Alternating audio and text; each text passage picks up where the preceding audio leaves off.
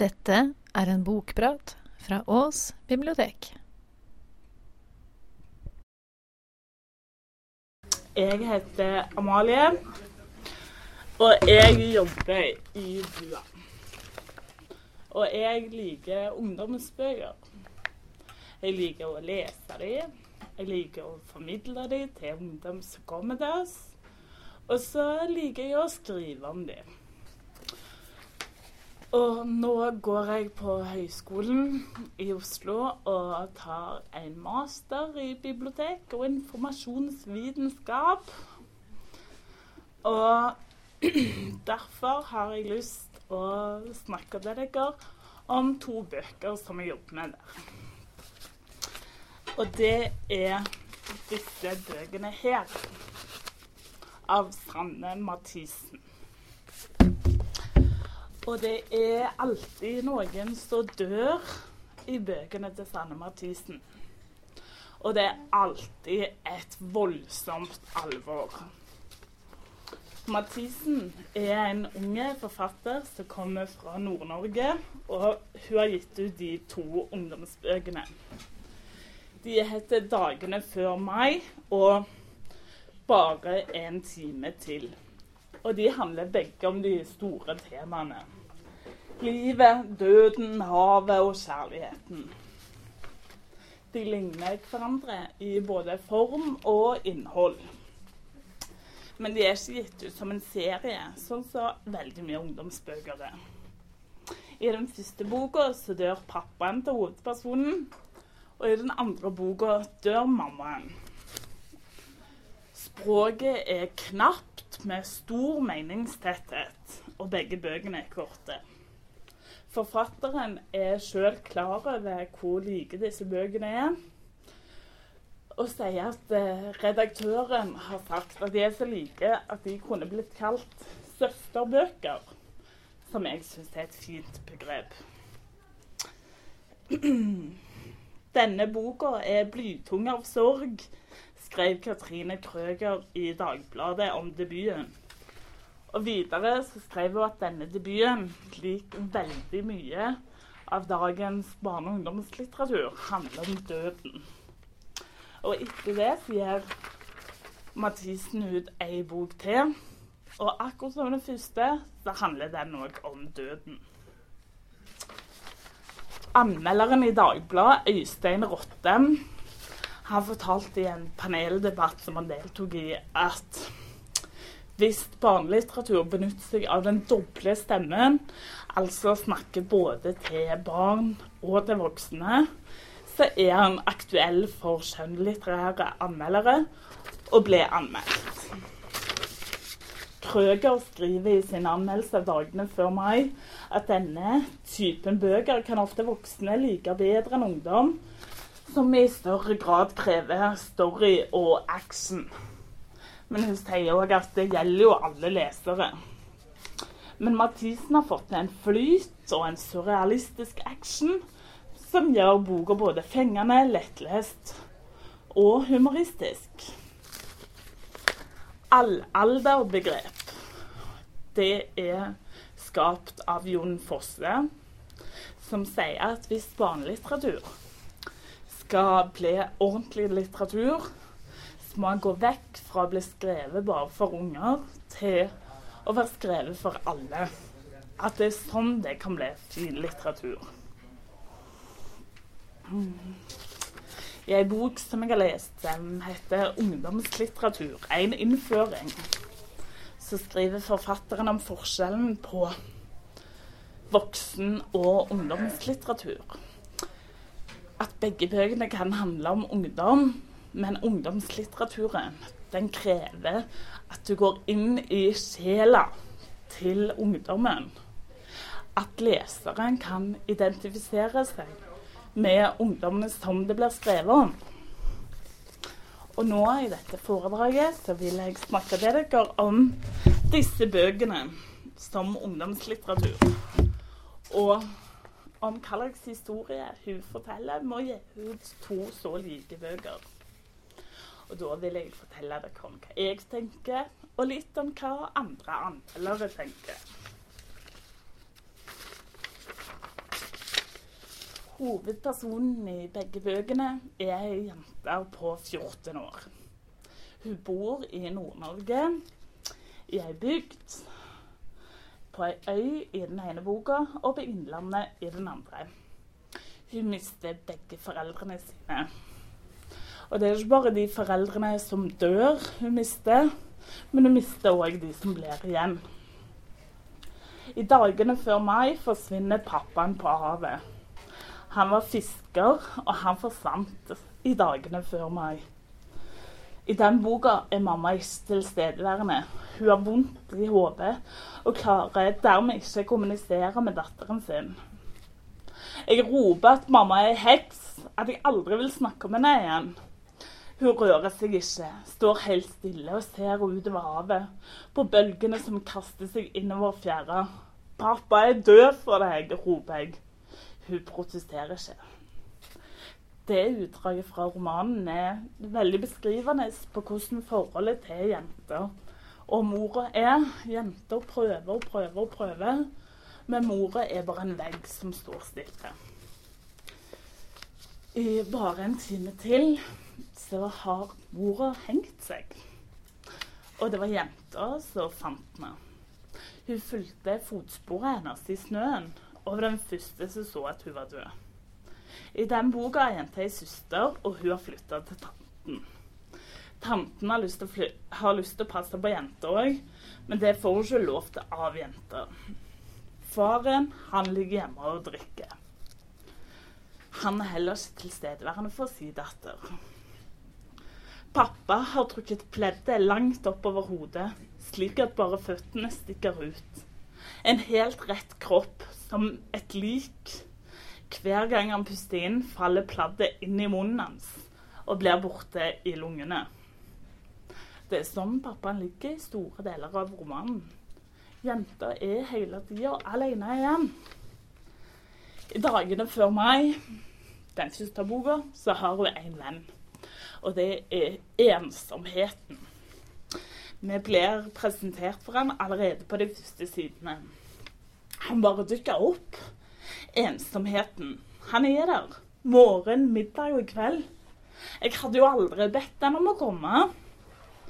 Jenter kaller han Knut, selv om han sjøl insisterer på å bli kalt Einar. Og han følger henne gjennom hele boka. Hun prøver ofte å bli kvitt han, men Mathisen skriver at det å være venner med Knut, det er som å sove med gressklipper i skapet. Knut, han skraper hele natten. En annen norsk forfatter som vi kjenner, som har skrevet stramt komponert om døden, er Jon Foss. Dødsvariasjoner er et teaterstykke av ham. Det handler om et barn som begår selvmord, og foreldrene som blir igjen. Der er en av eh, karakterene Venen, som er et bilde på døden. Venen rekker hendene mot han, og han tar imot henne. Og de blir stående og holde rundt hverandre, og de slipper hverandre. Hun går ifra han. Han står og ser etter henne. Det utdraget fra Dødsvariasjoner er en direkte sammenligning på slutten i dagene før mai. Der får nemlig Knut jenter til å begå selvmord. Der er jenta ute på havet med han. Knut tar opp den ene enden av skjerfet og knytter det rundt magen min. Han legger skjerfet rundt, opp, rundt og opp igjen, kryss, over og stram. Og så hopper hun ut i havet. For hun vil være sammen med denne pappaen som har forsvunnet dagene før meg det absurde som Katrine Krøger skrev om, går igjen i begge bøkene, men spesielt i den første. Og det som er så fint med det, er at det er aldri noe oppsiktsvekkende med det absurde i disse bøkene. Det er helt dagligdags. Det er bare sånn det skal være. I siste del av dagene før mai mangler de en vegg i kjøkkenet sitt. Så det er ganske slitsomt, for vinden blåser inn hele tida det er tydelig for leseren at det er for å symbolisere hvor hudløse jenter og mor er. Men matrisen skriver om det som om det er sånn det skulle være. Hun skaper en aksept for det som er vanskelig. I den andre boka, 'Bare en time til', har hun òg en venn. Hun var som sagt den første som fant mora. Og da hadde hun gått syv skritt i snøen. Jenta har samla de skrittene og lagt de ned i fryseren. Og så går hun dit når hun trenger noen å snakke med. Jeg løper ned til deg med kalde ben, åpner fryseren. Der ligger du og venter på meg. Akkurat som Knut er en gjennomgående figur i den første romanen, er disse fotsporene det samme i bok nummer to. Bare at der ender det annerledes. Tante Else, som søstera hennes hadde flytta til, hun har så lyst til å gjøre noe for jenta. Og nå er det snart jul, så tante Else har lagt kaker. Og de kommer hjem til jenta og faren. Og så kaster hun ut snøen som ligger der igjen, for å legge inn noen julekaker som jenta og pappaen skal ha. Hvor er fottrykkene? Hvilke fottrykk? Fottrykkene til mamma, for helvete. Øynene hennes flakser fram og tilbake. Det ser ut som hun tenkte gjennom alle tankene hun noensinne har tenkt. Mamma! skriker jeg. Har du bare kasta mamma? Knut fikk jenta i første roman til å hoppe etter pappa. Men når mamma forsvinner fra fryseren, så skjer det motsatte. Pappaen hennes våkner opp. Det er ingen sin skyld, sier pappa endelig til henne. Så står vi sånn lenge. Og der Knut gjør at hun tar livet sitt, hjelper disse fotsporene i andre bok henne til å forstå at livet går kanskje videre. I begge bøker så har hun gutter rundt seg. I dagene før mai er gutten Aksel, som var kjæresten hennes før, men som ikke er det lenger. Jenta har vært så merkelige siden dagene før mai, da faren hans forsvant. Så han har kyssa ei anna jente. Han hadde kyssa Marie bak skouret på skolen. Marie er i niende. Marie som ikke spiser kjøtt og hører på det Clash og går med så mange buttons på veska at hun vil ramle om om det kommer et lite vindpust. Selv om de ikke er kjærester lenger, møter de rett som det. Men jenter må ikke si det til noen. Det er veldig viktig for Aksel at ingen må vite noe. I hvert fall ikke Marie. Marie tar òg i bok nummer to en karakter. I begge plasser jobber vi i matbutikken og i bygda. Men det er to forskjellige historier. I bare en time til heter gutten hun er med Jonas. Og han er en gutt som er mye høyere oppe på den sosiale rangstigen enn hun.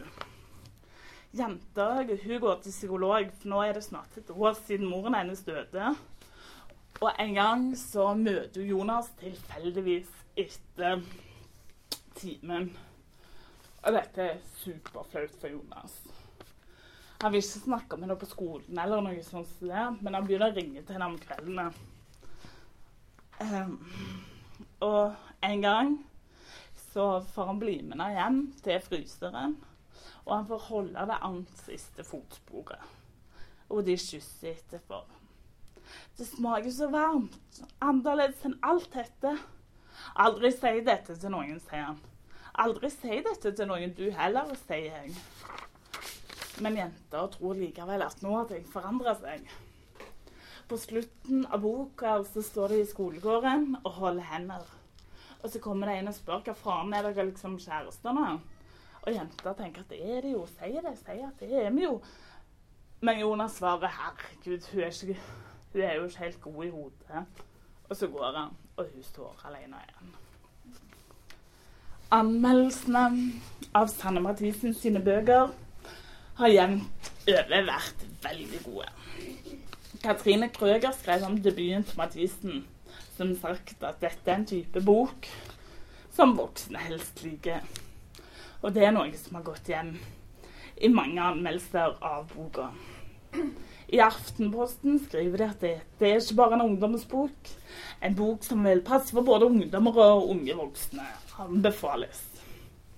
I begynnelsen frykta jeg at dette fort kunne bli en fjortisbok, men denne påstanden blir fort avfeid. Eh, andre anmeldelser er boka er spennende nok, men for noen inneholder den kanskje litt lite action. Hovedpersonen i boka er jente, men jeg vil likevel si at han passer for gutter og jenter fra rundt 15 år og oppover.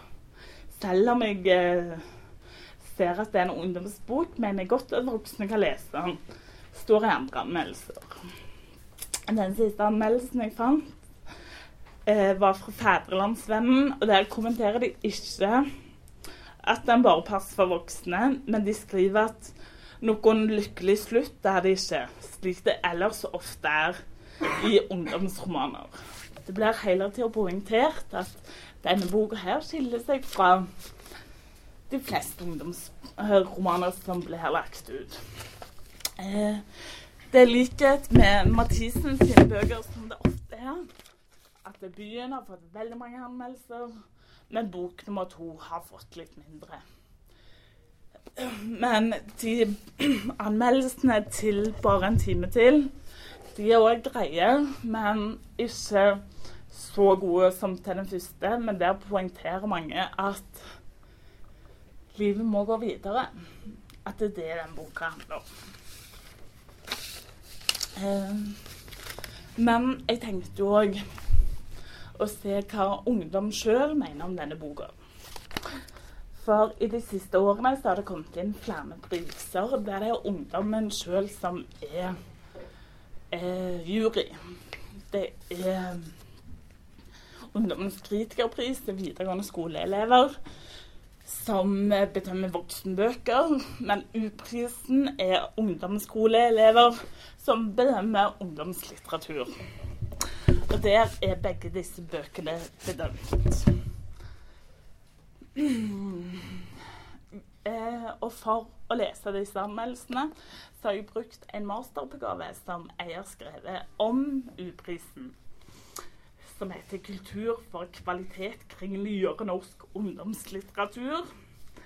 Og Det er ei dame som har undersøkt anmeldelser i mange år på U-prisen, og hun sier at for at eh, ungdommen som deltar i U-prisen, skal like ei bok, så eh, finner ut at formuleringene i materialet viser at ungdommene i målgruppa er opptatt av at språket skal fungere for de som tiltenkte lesere.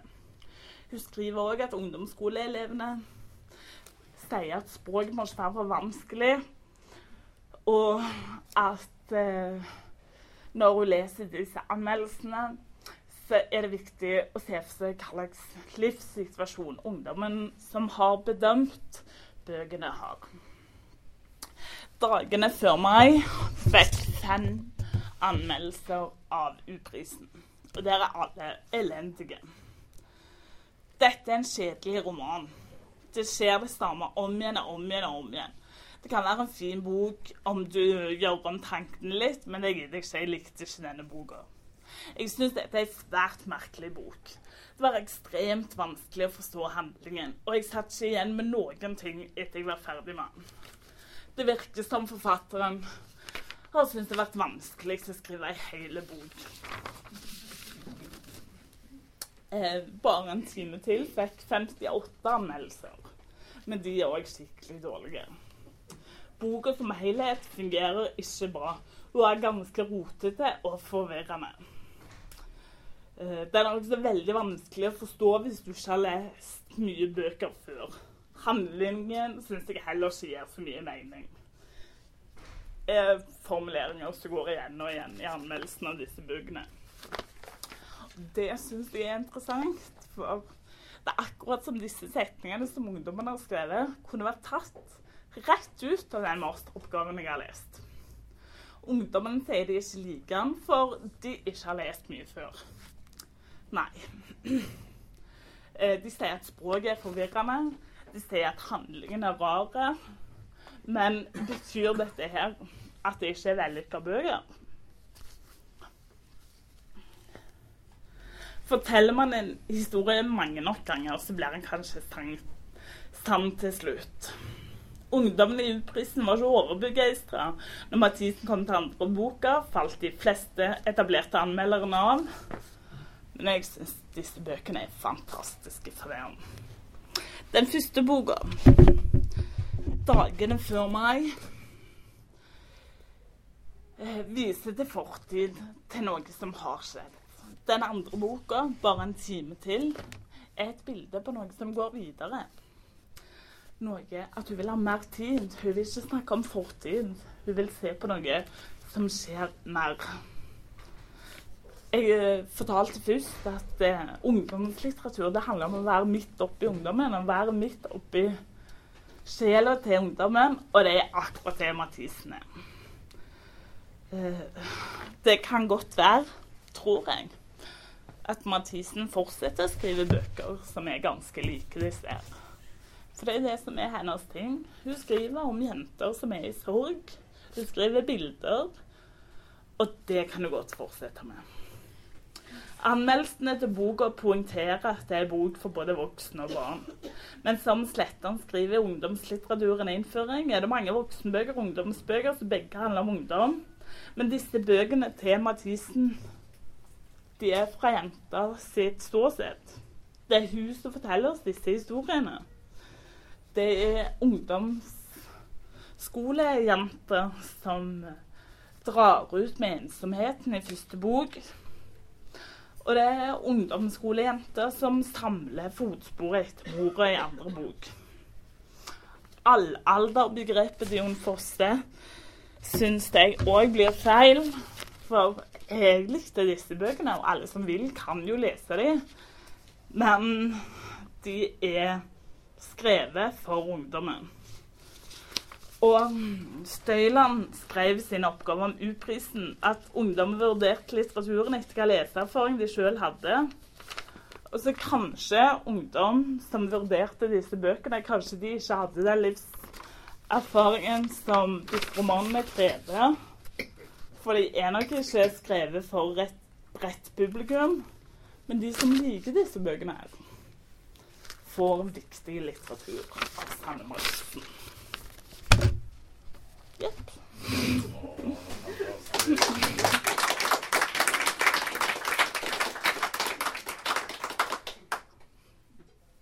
Ja. Syns du det var forskjell på bok én og bok to, sånn rent litterært sånn skrivemessig? ja. Det var det jo. Likte du best den første eller den andre? Jeg likte best den første. Å, jeg likte best den andre. jeg syns den var mye strammere og mye mer klar i nummer to. Ja, veldig kjedelig. Ja. Hvordan kan du forklare at det, ungdommen ikke syns den er klar? At de skjønner ikke hva, hva det er sånn? Hun skriver jo om Hun skriver ikke en rett fram-roman. Hun skriver ikke en dagligdagsroman. Og du må tenke litt for å få det til. Ok. Ja, men Amalie, jeg tenker på det, noe av det siste du sa, at det var eh, eh, de ungdommene som da hadde lest og skulle anmelde dem, de bøkene, at de ikke hadde den erfaringsbakgrunnen som Nei, det jeg sa at de ikke- det. Nei, jeg sa at de kanskje ikke hadde det. Jeg sier ikke at foreldrene dine må dø for at du skal like å lese disse bøkene.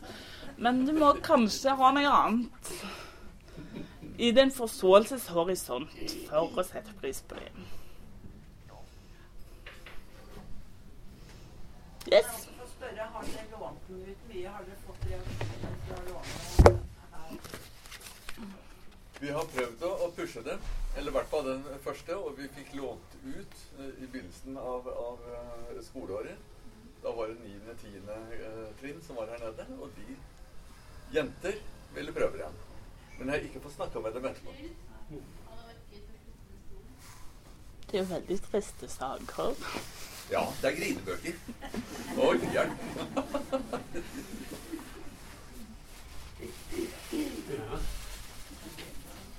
Dette er det. Eh, du de både i videregående skole og i, i ungdomsskolen? Hva ser han bedre i videregående? Litt mer erfaring, du har lest litt flere bøker, Kan hende. kanskje? Jeg vet ikke. Nei, jeg vet ikke.